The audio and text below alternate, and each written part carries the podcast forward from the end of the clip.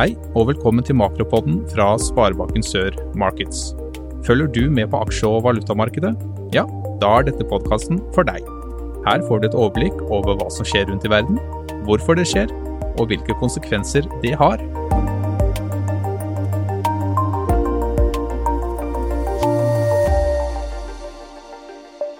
Da sier vi vel møtt til en ny makropod. Mitt navn er Jan Egil Nordheim. Jeg er leder for eh, Sparebanken Sør Markeds. I denne makropoden skal vi snakke om eh, hva som påvirker markedet på kort sikt. Og I den forbindelse skal vi se litt på eh, hvordan er koronasituasjonen rundt om i verden. Så skjer det noe 3. november. Valget i USA det har jo særdeles stor betydning for hva som skjer de neste månedene. Så skal vi også se litt på eh, markedsstemninga nå i slutten av oktober, hva som har skjedd uke 42, 43, 44. Og så eh, skal vi se litt på hva som påvirker markedet også på lengre sikt. Hvis vi løfter blikket litt, hva vil slå inn når vi kommer i ukene ut i november, uke 45, 46, 47 osv. Hva har så skjedd i Norge i det siste? Og så skal vi se utviklinga hvordan den har vært både i de lange rentene og i valutakursene. Men la oss først se på eh, hva som påvirker markedet på kort sikt. Vi snakket om koronasituasjonen, vi snakker om virusspredningen, og den økte virusspredningen som vi har sett i det siste, det har særdeles stor betydning for eh, hvordan markedet utvikler seg. Og så har valgkampen fram mot eh, valget i USA 3.11 har stor betydning. Og så skal vi se litt på de tallene som eh, nå de siste ukene, 42, 43 og 44, er blitt presentert i, i markedet, og hvordan det har gjort, og hvilke utslag det har fått i markedsstemninga. Når vi ser litt på lengre sikt, så ser vi på den økonomiske situasjonen. Eh, og det er klart at eh, en hovedforutsetning for den økonomiske situasjonen og utviklingen i markedene, både aksjemarkedet, valutamarkedet og rentemarkedet, det er hva skjer med en vaksine? Er det på plass en vaksine i løpet av første kvartal 2021, eh, eller hvor lenge må vi vente? Og Da vil det også bli mer og mer hvis det er på plass, så vil det bli mer og mer fokus på enkelte lands penge- og kredittpolitikk og enkelte lands eh, finanspolitikk. Hvilke muligheter som det enkelte land har til å styre sin egen butikk.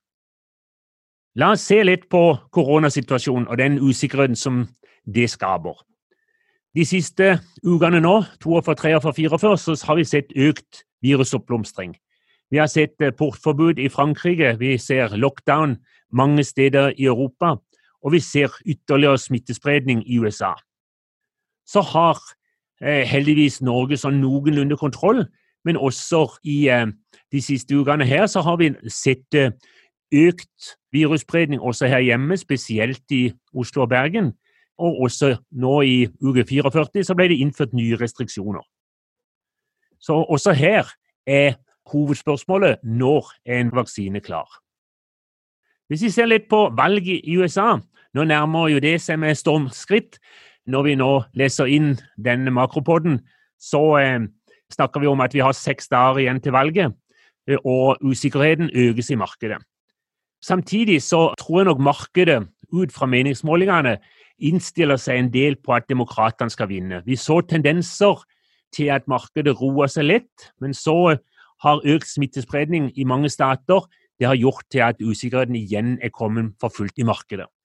Og Spesielt eh, økt smittespredning i eh, vippestater som Wisconsin og Iowa gjør at eh, selv om dette har vært stater som republikanerne stort sett har vunnet tidligere, og hatt en god ledelse, så ser vi nå på meningsmålingene at nå er det veldig, veldig jevnt. Og det er sågar Biden og demokratene som har overtatt en viss eh, ledelse der.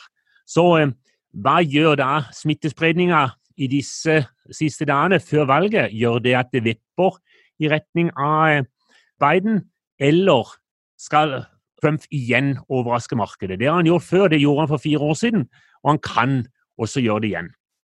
Og så er jo spørsmålet hva om han vinner hvilke konsekvenser får det da for eh, markedet og for utviklinga videre de neste fire årene? Og en konspirasjonsteori var om man taper, men nekter å gå av, hva vil da skje i markedet, og hvordan vil da både rente, valuta og aksjemarkedet utvikle seg? Hvis vi da tar et eh, blikk på verdensøkonomien, så ser vi jo at eh, de siste ukene som vi nå har hatt bak oss, 42-43 og til dels uke 44, så ser vi at Kina har opplevd en utrolig rask innhenting i økonomien. Allerede, så hvis vi kan stole på tallene fra Kina, så er det en årlig vekst i industriproduksjonen som er på mellom 6 og 7% Og Dette er utrolig bra, og det er minst på høyde med det nivået som de hadde før pandemien. Detaljhandelen har også henta seg veldig godt inn. Nå ser vi en vekst på ca. 5% årlig i forhold til 2019-tallene i tjenesteproduksjonen. Og Da blir jo kardinalspørsmålet vil veksten også i andre deler av verden komme på plass like kjapt når eventuelt vaksine er klar. Hvis vi ser på makrotallene fra USA, så ligger de relativt jevnt med forventningene. Men Trump har fortsatt ca. 10 millioner jobber som han må eh, skaffe for å kompensere for de ca. 22 millioner jobbene som har forsvunnet under eh, koronapandemien. Eh, når det gjelder forbruket i USA, så viser det en sånn noenlunde grei vekst i takt med forventningene. I Europa så ser vi at europeiske produksjonstall har henta seg noenlunde inn, men den oppgangen som kom i juni, juli og august, ser ut til å ha stoppa mer eller mindre opp. Og Dermed så er den store risikoen både i eh, Europa og i USA det er virusspredninga. Og så har vi et tema som eh, nesten har vært glemt nå i pandemien, nemlig brexit. Blir det deal, og blir det no deal for Storbritannia? Det vil være det store spørsmålet. Så blir nok, hvis det blir no deal, så blir det nok ille for Storbritannia. Men eh, det virker som det får mindre og mindre betydning for europeisk økonomi. Og eh, rett og slett at eh, selve brexit-biten drukner litt i de utfordringer som Europa ellers har. Hvis vi kikker litt på oljeprisen, så ser vi nå i uke 44 at vi eh, har en oljepris som bikker under 40 dollar igjen. Vi har hatt en, en veldig stabil oljepris de siste tre-fire ukene siden forrige makropod, men eh, nå for første gang så begynner vi å se 30-tallet først. Hovedgrunnen er også her økt smittespredning både i USA og i Europa. Og så vet vi, vi kan huske fra eh, forrige bølge at vi hadde en oljepris under 20 dollar fatet, og vi hadde sågar amerikansk skiferolje som var under null i uh, den første delen av pandemien. Og Så husker vi sikkert også at uh, har en break-even på ca. 35 dollar. og Det gjør at det er utrolig viktig at uh, vi, vi, har en, en, oljepris som er over 35 dollar, ikke minst for sørlandsk næringsliv og alle de underleverandører til oljenæringen som er på Sørlandet. Men hva betyr valget for økonomien i USA? Hvilke følger vil det ha om det blir Biden eller om det blir Trump? Hvis vi tror at det blir Biden og demokratene som nå ser ut til å vinne, så vil vi nok komme til å oppleve mer penger i sirkulasjon. Det blir nok mer tilførsel av penger til den jevne innbygger. Og det igjen skaper nok etter eh, det mange tror, økt etterspørsel. Trump gjorde jo akkurat det samme når det gjaldt eh, i forhold til etterspørsel. Han finansierte det jo med betydelige skattelettelser i første del av hans eh, fireårsperiode. Men nå blir det nok en annen innretning på det hele, men at den jevne innbygger kommer til å få mer penger mellom hendene, det tror jeg nok vil komme til å skje hvis demokratene kommer til å vinne. Og så kommer det til å bli bra for internasjonalt samarbeid og handel. Og ikke minst så blir mer forutsigbarhet, mindre twittermeldinger og overraskelser overraskelser sånn sett, og dermed trolig lavere usikkerhet i markedet. Og Det kan få god effekt både på aksjemarkedet og på rente- og valutamarkedet. Og Så har vi sett at dollar har falt noe, både mot euro og øvrige valutaer. Vi har nok sett enkelte tegn til en viss svekkelse og en svekka tillit til eh, USA gjennom de siste månedene. Og så ligger jo som et bakteppe et veldig anspent forhold til Kina. Og Det er vel det som kanskje kan endres etter dette valget. Det er i hvert fall det som blir utrolig spennende.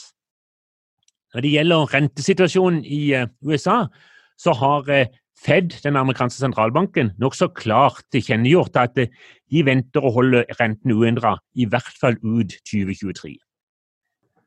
Hvis vi da ser litt på vår hjemlige trakter og ser litt på Norge og norsk økonomi, så ser det ut til sånn noenlunde kontroll på smittesituasjonen. Selv om både Bergen og Oslo har stigende tall, og at regjeringa også har kommet med innført nye restriksjoner. Men det som kanskje er mest betydningsfullt, er at fallet i arbeidsledigheten ser ut til å ha stoppa opp. Vi er nede på ca. 3,6% nå i oktober, og trenden er lik over hele landet og i de fleste næringene, med unntak av de spesielle næringene som er veldig utsatt nå i pandemien.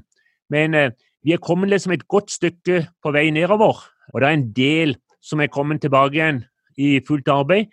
Men vi ser at eh, den eh, fine takten som vi hadde spesielt i juni, juli og august, den har stoppa relativt kraftig opp. Når det gjelder detaljhandelen, så ser vi også der at den er i ferd med å, å flate ut. Vi har jo hatt en veldig veldig god vekst i detaljhandelen, og også i, uh, i møbelbransjen og slike ting. På, hvis vi ser på den årlige utviklingen fra uh, i fjor høst og til nå, så har jo den vært veldig fin. Men det ser ut som detaljhandelen også begynner å flate ut. Og Det samme gjelder husholdningenes kredittvekst. Den var jo formidabel i, på forsommeren.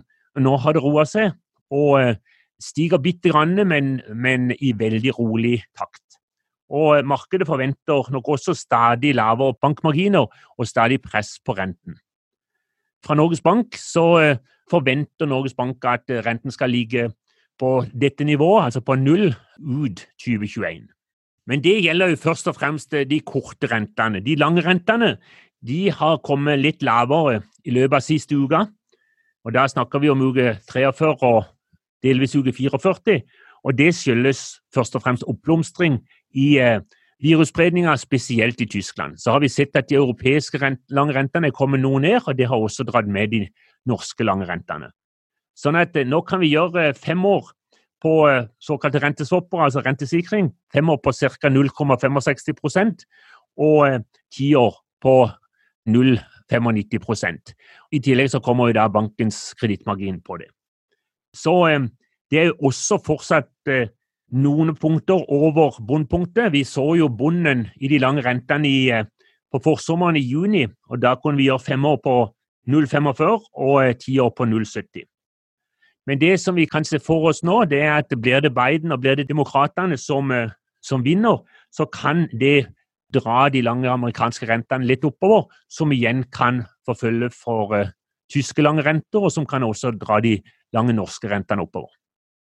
Valutamarkedet, her har vi jo sett uh, større og større usikkerhet uh, de siste ukene nå i oktober. Og Det har jo også gitt relativt store bevegelser i valutamarkedet. Totaliteten er at norske kroner har svekka seg noe, sånn at vi i øyeblikket har en euro litt i underkant av 11 kroner og en dollar på ca. 9,30. Eh, og vi tror vel egentlig at eh, det vil fortsatt bli store bevegelser de neste to-tre ukene. Først og fremst pga. hva som skjer med hensyn til valget i USA de siste dagene av valgkampen, og deretter, når valget har skjedd, hvordan blir valget håndtert? Hvilke konsekvenser får det for situasjonen i USA? Og deretter, hvordan vil det da slå inn i finansmarkedene? Det vil være det store spørsmålet. Så vet vi at eh, Norges Bank fortsatt kjøper norske kroner for å finansiere koronatiltakene her hjemme. Sånn at underliggende så vil det støtte norske kroner og føre til litt sterkere norske kroner. Men så har vi da den usikkerheten, spesielt knytta til valget, som nok eh, vil gjøre at her får vi en god del turbulens framover. Men det betyr jo én ting, og det betyr at valutasikring det er utrolig viktig. Så eh, snakk med noen av oss i Sør Markets når det gjelder valutasikring. Det tror vi er veldig, veldig viktig, og det tror vi også kan bety mye penger spart for dere. Vi skal bare ta kjapt hva vi har snakka om i denne makropodden. Vi snakket om det som eh, påvirker markedet på kort sikt. Vi har snakket om eh, koronasituasjonen som er noe av det som har styrt markedet i hele oktober, og som kommer til å styre markedet de neste månedene. Vi har snakket om valget i USA, som er særdeles viktig for finansmarkedene. Vi har snakket litt om hvordan det slår ut på markedsstemninga i øyeblikket. Og så har vi sett litt på hva som påvirker markedet på lengre sikt, når valgresultatet i USA er klart, og hva har skjedd i Norge de siste ukene. Og så har vi snakket litt om uh, utviklinga i de lange rentene og utviklinga i valutakursene. Til slutt så uh, har vi fått et par kommentarer fra både Lars Verket og Øystein Birkeland. Lars Verket ønsker om vi kunne lage en episode om pengemengde og forholdet mellom finansøkonomi og realøkonomi. Det er ikke sikkert vi får lagd noe egen episode om det, men vi kan jo helt klart komme inn på det at med all den pengetrykkinga som har skjedd både i USA og i Europa de siste årene, så er det klart så skulle det ut fra eh, vanlig økonomisk teori skulle ha betydd at eh, inflasjonen hadde gått relativt kraftig i været. Eh, og det er nok det store tankekorset for veldig mange finansanalytikere, at på tross av veldig, veldig mye pengetrykking, så har det ikke skjedd noe som helst på inflasjonsbiten de siste mellom 20 og 30 årene. Men det er klart, plutselig så kan det være noe som kan slå ut også i økt inflasjon, men jeg tror nok hovedbiten er det at etterspørselen i markedet er for lav. Eh, det er for mye ledig kapasitet til at det vil slå ut i økt inflasjon. Sånn at eh, på tross av masse pengetrykking, så, så, tror nok de aller, aller fleste finansanalytikere at inflasjonsbegrepet nok ikke kommer til å være det som er mest interessant de neste tre, fire, fem årene. Da sier vi takk for i dag, og så høres vi igjen til en ny makropod om en måneds tid. Du lyttet nettopp til Makropodden fra Sparebanken Sør Markets. Hver måned vil vi gi deg innsikt i hva som skjer i verden, samt hvordan det påvirker økonomien vår. Flere episoder finner du på sol.no slash makro.